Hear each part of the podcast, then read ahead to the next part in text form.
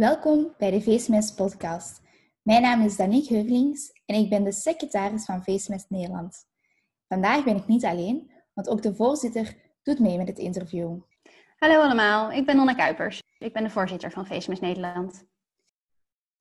Vandaag hebben wij een internationale spreker te gast, namelijk professor Najmi. Voor de luisteraars die de Belgische topdokters hebben gezien, klinkt deze naam wellicht bekend in de oren. Professor Najmi is mond-, kaak- en aangezichtschirurg in Antwerpen. Hier is hij werkzaam voor de zogenaamde SMAC-associatie. Dit is een associatie vol chirurgen die gespecialiseerd zijn in de mond-, kaak- en aangezichtschirurgie. Tevens is hij ook diensthoofd van de MKA-chirurgie in het Universitair Ziekenhuis van Antwerpen.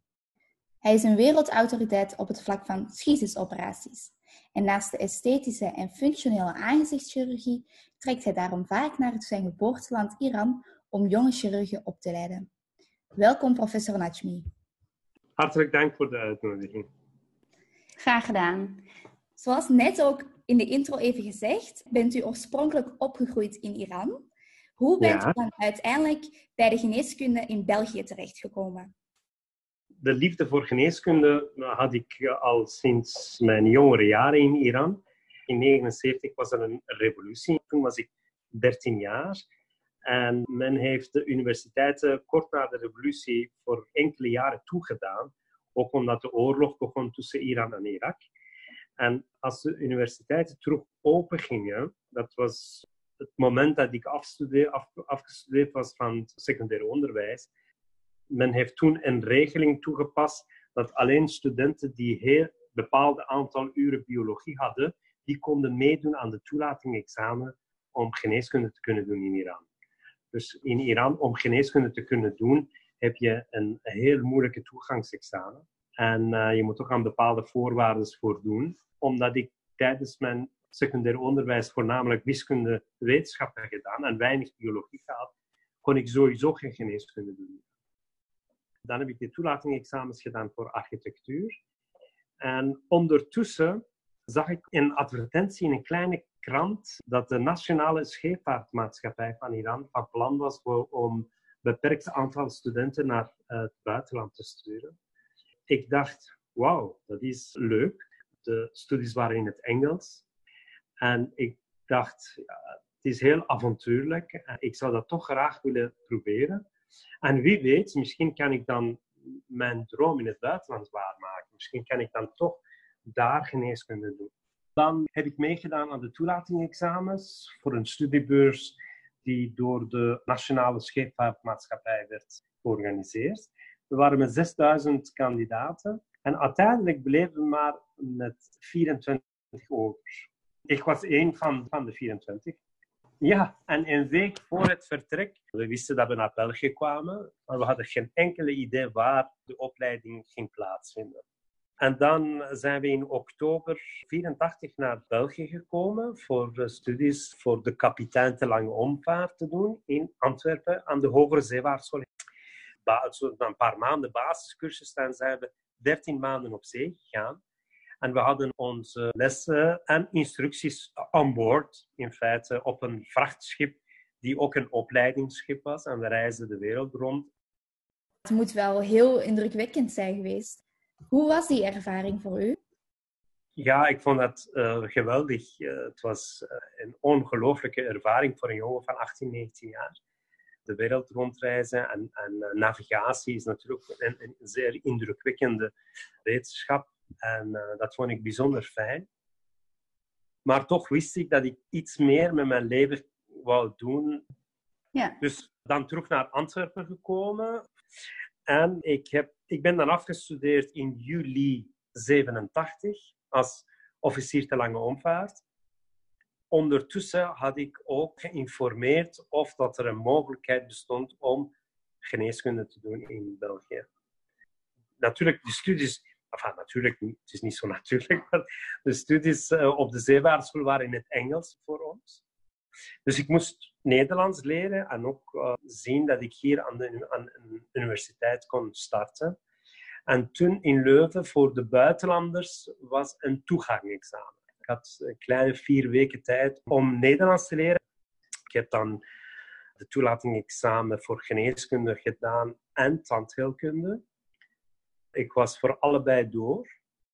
Maar de keuze was moeilijk, want ik dacht, ja, oké, uh, geneeskunde is zeven jaar en ik ga dat toch nooit in zeven jaar kunnen doen. Zeker niet in het Nederlands, want na vier weken, oké, ik was heel sterk in wetenschappen en, en wiskunde, dus ik kon die toelating-examen wel doen. Maar uh, echt uh, in, het, in het Nederlands geneeskunde gaan doen, ik dacht, dat gaat nooit lukken. Daarom heb ik dan beslist om met tandheelkunde te starten, want tandheelkunde was vijf jaar. En ik dacht, ja, oké, dat is toch een medische richting. En ik ga zien, als het eerste jaar lukt, dan schakel ik over naar het tweede jaar geneeskunde. En zo is het ook gebeurd. Dus ik was dan door eerste jaar tandheelkunde. Ik was gelukkig in eerste zittijd geslaagd voor tandheelkunde. Dus ik dacht, hmm, ik kan misschien toch, toch nog geneeskunde doen. En ik heb me dan ingeschreven in het tweede jaar geneeskunde. Eerlijk gezegd, na een paar weken dacht ik, ja, ik mis toch uh, tandheelkunde. Met, met tandheelkunde moest je heel veel prutswerk doen. En dat miste ik, want geneeskunde was heel theoretisch. Begon ik terug te twijfelen, wat ga ik nu doen? Ik kon niet kiezen, dus ik dacht, oké, ik doe ze allebei. En dan die liefde voor tandheelkunde en geneeskunde, heeft u dan richting de MKA-chirurgie gedreven, als ik het zo hoor? Dat is juist. Want ik dacht toen, ah, ik ben geïnteresseerd in allebei. En ik herinner me nog heel goed, dat was een van de medestudenten zei, ah, Nasser, er is een, specialisatie uh, waar je allebei moet zijn om te mogen specialiseren. En dat is aangezichtschirurgie. En ik dacht, wow, that's it. Dat is het. En, en, wist u toen ook al meteen dat u, dat u schizisoperaties nou echt wilde doen? Hoe, kwam u daarbij? Wel, eh, als kind, ik tekende heel veel en ik was heel veel geïnteresseerd om gezichten te tekenen. En ik dacht, ah ja, en alles precies, dat was een puzzel die, die perfect in elkaar begon te passen. Ik deed dat fijne werk van tandheelkunde, vond ik leuk. En menselijke lichaam intrigeerde mij. Dus niet alleen mond, niet alleen tandarts, maar ik dacht, ja, oké, ik wil daar nog wat meer doen. En ik dacht, ja, aangezichtschirurgie, uh, dat is misschien iets voor mij. Dat is wel mooi hoe dat dan allemaal samenkomt. Vroeg me dan af, want operaties doen, daar moet je echt super specialist voor zijn. Eh, welke stappen heeft u nog meer allemaal moeten doorlopen voordat u dan uiteindelijk het werk kon doen wat u nu doet? Oh, veel. Uh, natuurlijk, schisis zit niet in de basispakket van een MKA-chirurg. Dat zit er niet in. Dus dat is zoals je daar juist heel oprecht merkte, dat is een superspecialisatie. En in feite, als je schizisoperatie wil doen, moet je dan nadien fellowships gaan doen. Na mijn geneeskunde en tandheelkunde heb ik mijn opleiding voor stomatologie en maxillofaciale heelkunde, nu MKA-chirurgie, aangevat in Brugge. En toen, een van onze stafleden, dokter Mommaerts, hij was uh, een chirurg. En ik had geluk, dus vanaf mijn eerste jaar opleiding werd ik daarmee geconfronteerd. Ik vond dat formidabel. Dat is inderdaad wat prutswerk, hè? want fijn werk, heel fijn werk. Je kan, als het allemaal goed gaat, je kan een leven geven aan een individu die geboren is met een, met een toch een vrij zware afwijking. Dat dat is centraal in het gezicht. En het intrigeerde mij vanaf mijn eerste jaar opleiding ik ben dan toevallig uh, tijdens mijn eerste jaar naar Amerika geweest, ook voor familiebezoek. Uh, dat is een hele grote dienst MK-chirurgie in Houston. Ik heb met de baas daar contact gehad en gevraagd of ik daar een week kon meelopen. Ik was maar drie maanden bezig in mijn eerste jaar en ik kwam hier in Amerika. Dus in plaats van familiebezoek werd dat ziekenhuisbezoek. Maar ik was dan de hele week van het morgens tot s avonds heb ik dan met de baas daar rondgelopen. Dat was formidabel. En ik werd daar ook, uh, ik volgde daar de Schisis-team, uh, de vergaderingen van het Schisis-team en Schisis-consultaties. En dat was echt een openbaring. Dat was, ja, dat is het, dat ga ik echt doen. Ik ga alles doen om dat te kunnen doen. Zo is eigenlijk de liefde voor, voor het Schisis begonnen mooi om te horen dat u na zo'n lange weg dan uw passie hebt ontdekt. En we hebben het nu wel de hele tijd over schisis, maar opereert u dan ook alle varianten?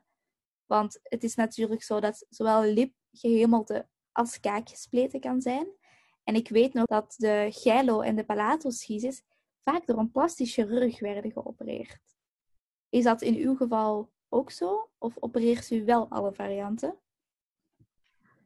Wel, uh, het is wel zo, wat de schisis betreft, er zijn heel veel protocols van de behandeling van schisis. Dus er zijn verschillende technieken. Die protocols worden vaak in teamverband uitgevoerd. Historisch gezien, de plastisch, dat was vanzelfsprekend als er een lipspleet was. Dat was dan de plastische chirurg die het moest sluiten. Want dat was iets esthetisch, dat was functioneel en de vorm van de lip en de neus. Zo werd dat dan door plastische chirurgen de, de eerste operatie gedaan. En palatoschisis, meestal zacht verhemelte, sommige plastische deden dat, in, zeker in Amerika. Het sluiten van het hartverhemelte aan de kaakspleet was dan voor de oral surgeon of de kaakchirurg. Of het verhemelte of palatoschisis werd door de NKO-arts gedaan plastische die de lip en de neus. En de kaakgedeelte of hart en of hartverhemelte werd dan door de kaakchirurg gedaan.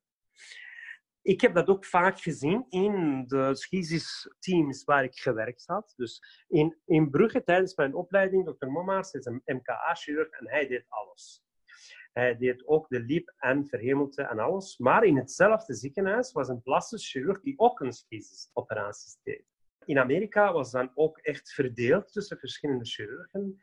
Maar ik wist ook meteen dat dit niet goed was. Uh, het maakt niet uit of je een plastisch chirurg bent, of een MKA-chirurg of een NKO-chirurg. Ik denk, al die specialiteiten kunnen schisis leren en opereren. Het belangrijkste is dat je liefde hebt voor het vak. Dat was punt één. En ik was overtuigd dat je de beste resultaat kon bereiken alleen als je zelf al die stappen kon opereren. Een lipoperatie heeft heel veel invloed op de palatus, operatie van de palatoschisis. Sluiten van het verhemelte heeft heel veel invloed op de kaak eh, en de groei van de tanden en het groei van het gezicht. Als je geen inzicht hebt over de groei van het gezicht en de doorbraak van de tanden, wat de fundamenten van het gezicht zijn, dan is het heel moeilijk om, om uw behandeling optimaal te kunnen uitvoeren. Tenzij dat men met drie chirurgen werkt of met twee chirurgen werkt die perfect elkaar begrijpen. En dat gebeurt ook niet altijd heel makkelijk. Ik was van overtuigd dat ik alles zou doen om alles te kunnen in het gezicht. Nogmaals, als iemand passie heeft voor operaties, mag hij dat van mij perfect leren en doen. Maar ik denk dat een maxillofaciaal chirurg of een MKA-chirurg best geplaatst is om dat te doen. Want we doen esthetische chirurgie in het aangezicht, we zijn aangezichtschirurgen. Wij doen kaakoperatie, we weten perfect hoe dat de groei van, van het gelaat in elkaar zit. We weten wat we moeten doen om de groei niet te storen. Dus dat zijn kennis die je een deel tijdens je tandheelkunde hebt vergaard. Dus ik denk dat in feite de maxillofaciale chirurg misschien best geplaatst is om het te doen. Oh ja, en het, dat weten de luisteraars misschien nog niet, maar u heeft ook het Schisis-team opgericht in Antwerpen. En het is dus niet naar Amerikaans model, als ik het zo hoor, maar meer naar het model oh ja, als reactie op wat uw ervaring was in Amerika. Exact, reactie niet alleen in Amerika, maar ook in andere universitaire ziekenhuizen uh, was dat zo, dat men schisis werd verdeeld tussen verschillende specialiteiten dat heeft voor een deel ook misschien historisch en politiek gezien binnen de universiteiten is dat zo bepaald geweest. Hè? Dat uh, ene moet dit doen en de andere moet dat doen. Nu, het Universitair Ziekenhuis in Antwerpen was men heel open-minded voor mijn concept. Dus ik heb dat, als ik van Amerika terugkwam, zeg ik, kijk, ik zou het zo willen doen. En ik krijg alle krediet om het ook zo te doen. Want natuurlijk, wat ik vandaag doe, heb ik nergens geleerd. Want alle technieken die ik nu toepas, dat zijn eigenlijk een combinatie van verschillende operatietechnieken die ik op verschillende plaatsen heb gezien.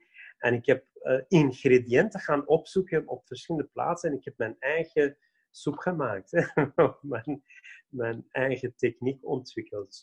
En ook een, niet alleen techniek, maar er moet een filosofie achter een techniek zijn. Je moet een duidelijke reden hebben waarom dat je iets doet niet omdat mijn baas vroeger het gedaan heeft en ik heb dat zo geleerd, ga ik het ook nu, zo doen. ik was bij de vader van cleft surgery bij professor Millard in Miami. Hij was toen 81 jaar, hij opereerde nog altijd alle dagen. En hij had 50 jaar ervaring. Toch, als ik hem bezig zag, zeg ik, ja, maar dat, is, dat zou ik anders willen doen. Niet blind kijken naar uw, uw opleiders. Je moet altijd kritisch blijven. In eerste plaats voor uzelf en op tweede plaats ook voor uw opleider. En zo kun je vooruit. Kun je nieuwe dingen uitvinden. Kun je misschien iets betekenen. Want als we alleen maar kopies doen van, van vroegere opleiders, ja, dan gaat de wetenschap niet vooruit. U benadert heel hard het kritisch zijn. En kinderen hebben heel vaak meerdere operaties nodig. Bent u dan eigenlijk vooral kritisch op het functionele of kritisch op het esthetische gebied? Op alles. Mijn basisdoel was ervoor zorgen dat de kinderen, als ze naar de eerste leerjaar gaan, dat zij schizisvrij zijn. Dat is een primaire doel. Want ik zag kinderen die acht jaar, tien jaar, elf jaar, twaalf jaar waren, die nog altijd met een, split in hun kaak zaten of, of een opening hadden nog tussen hun mondholte en neusholte. Stel je voor, je gaat met jeugdbeweging ergens naartoe en men maakt een grote pot spaghetti en de spaghetti komt uit je neus. Dat moet toch vreselijk zijn voor dat kind. Of je, je drinkt cola of chocomelk en dat komt uit de neus. Of je kan niet goed, jezelf niet goed uitdrukken, je spreekt heel nasaal. Of je lip en je neus staat scheef. Dat zijn trauma's voor het leven. En we hebben nu een protocol waarbij de kinderen zelfs niet meer weten dat ze schis gehad hebben. Hoogstens gaan ze van de laatste operatie iets nog herinneren. De belangrijkste operaties zijn gedaan voor de leeftijd van anderhalf jaar. En er blijft nog maar één operatie en dat wordt gedaan tussen vijf en de zesde levensjaar. En dat was mijn levensdoel in feite. Ervoor zorgen dat de kinderen, als ze naar de eerste leerjaar gaan, dat ze schisisvrij zijn. Dat ze geen stigmata hebben van schisis. Dat ze min of meer normaal eruit zien dat ze een normale spraak hebben, want dat is het belangrijkste dan van alles. Als je een mooi gezicht hebt en je kan niet praten en je bent niet verstaanbaar, dan kun je niet vooruit in, het, in de maatschappij. Maar als je mooi kan praten, als je mooi kan articuleren, al heb je een klein litteken in je gezicht, who cares? Is een, een mooie streef om dan te hebben. En ik denk dat het in België ook goed haalbaar moet zijn als u de zorg zo kan inrichten. Nou weten wij ook dat u in uw geboorteland Iran een Center of Excellence hebt opgericht om ook, denk ik, dezelfde doelen na te streven. Hoe loopt dat daar? Ja, wel, het project in Iran is eigenlijk gekomen na 15 jaar frustratie elders in de wereld. Dus ik heb 10 jaar in Myanmar gewerkt, drie jaar in Indonesië, verschillende jaren in Indië, eh, in Vietnam. Ik ben begonnen in Afrika. En de betrachting was om een bepaalde protocol te kunnen aan de lokale mensen aanleren en de mensen motiveren om samen in een teamverband het protocol te volgen. Maar het ging heel, heel moeizaam en heel moeilijk qua infrastructuur. Ik was dan in Myanmar, die kinderen waren drie weken onderweg om van de meest afgelegen plaatsen naar dat ziekenhuis komen. Die werden dan geopereerd en ze verdwenen terug. Je zag ze nooit meer terug alleen met operatie, of zeker niet met één operatie, kan, kan je een schisis behandelen. Dus je hebt in feite een lokale team nodig die de patiënten opvolgt, die een heel duidelijke strategie en protocol opvolgt. Zo kan je iets realiseren. Want ik kwam iedere keer terug. Ik had 50 kinderen in Myanmar geopereerd. En ik kwam met een heel vervelend gevoel. Zat ik dan in, mijn, in het vliegtuig op, op terugreis. En toen dacht ik, wat heb ik nu eigenlijk gedaan? Niks.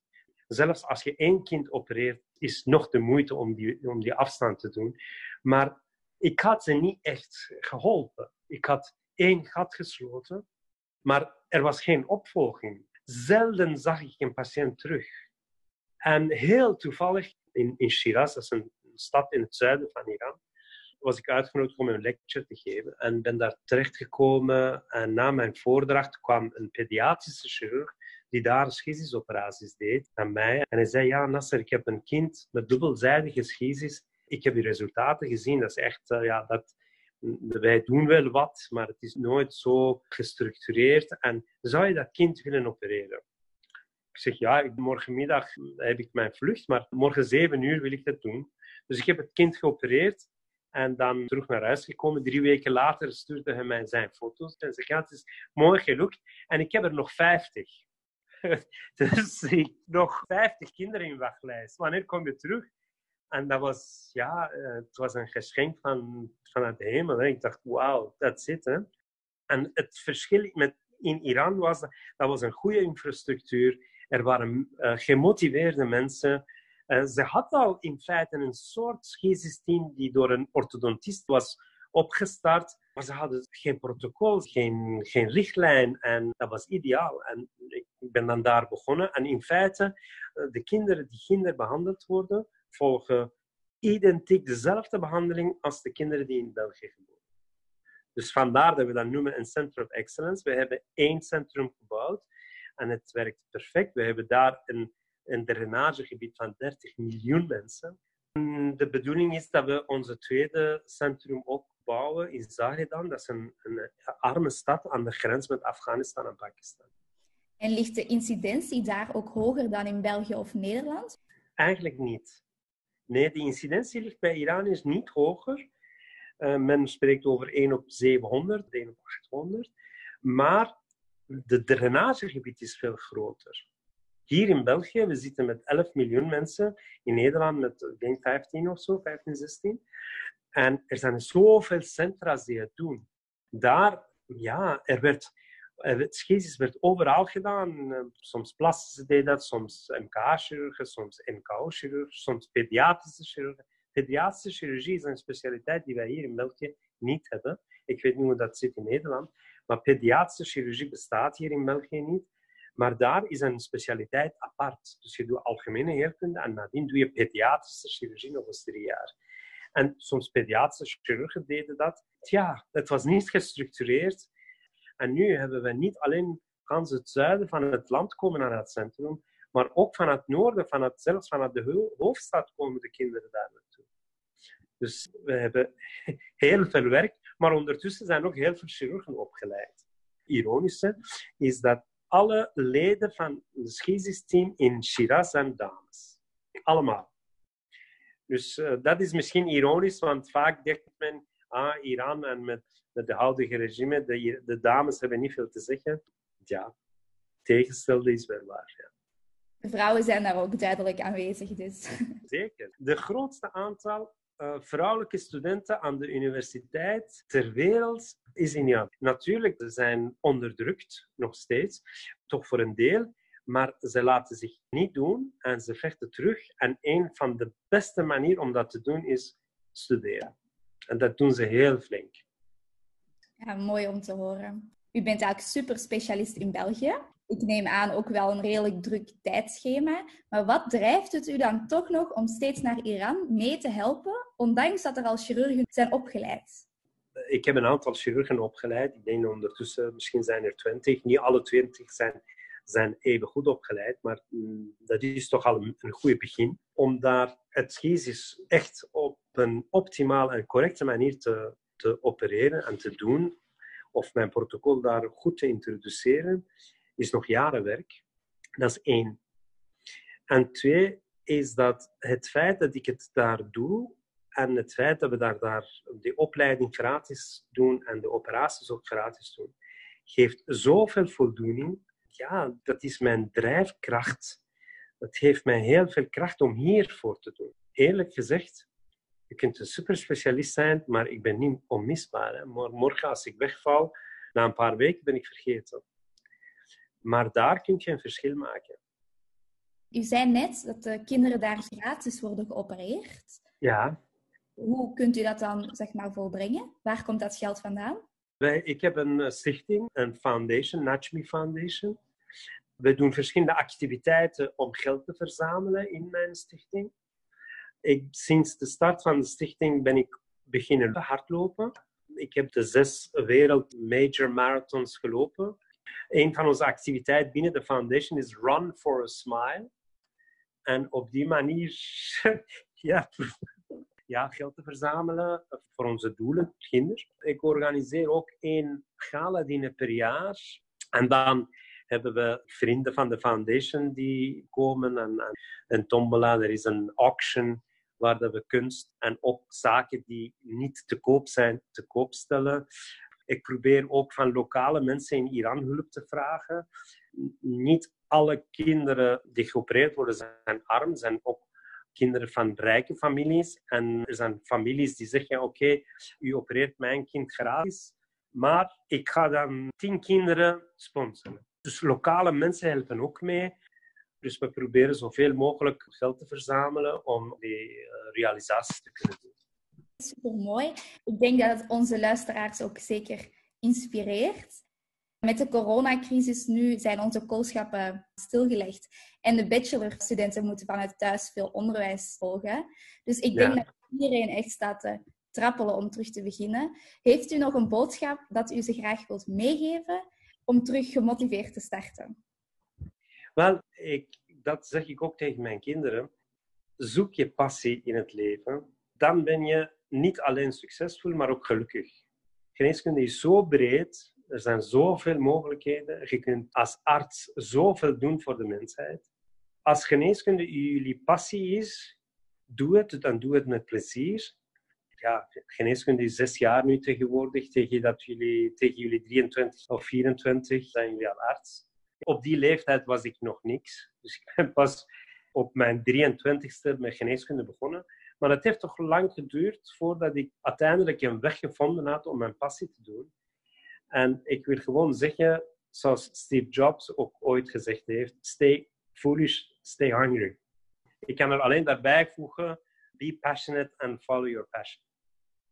Wat een ontzettend mooie boodschap om mee af te sluiten. Ik wil u nogmaals hartelijk danken voor uw tijd en eh, het brengen van dit inspirerende verhaal. wij hebben er zelf enorm van genoten. Ik hoop dat u de komende tijd zeker zo inspirerend bezig blijft. En we zijn benieuwd wat u nog allemaal gaat brengen in de schiezenzorg in België en de rest van de wereld. Dank u wel. Graag gedaan.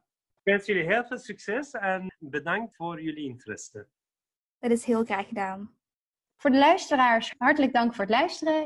Indien jullie na het beluisteren van deze podcast nog vragen hebben, mail deze dan gerust naar Facebook Nederland. En we zien jullie graag binnen twee weken terug. Bedankt!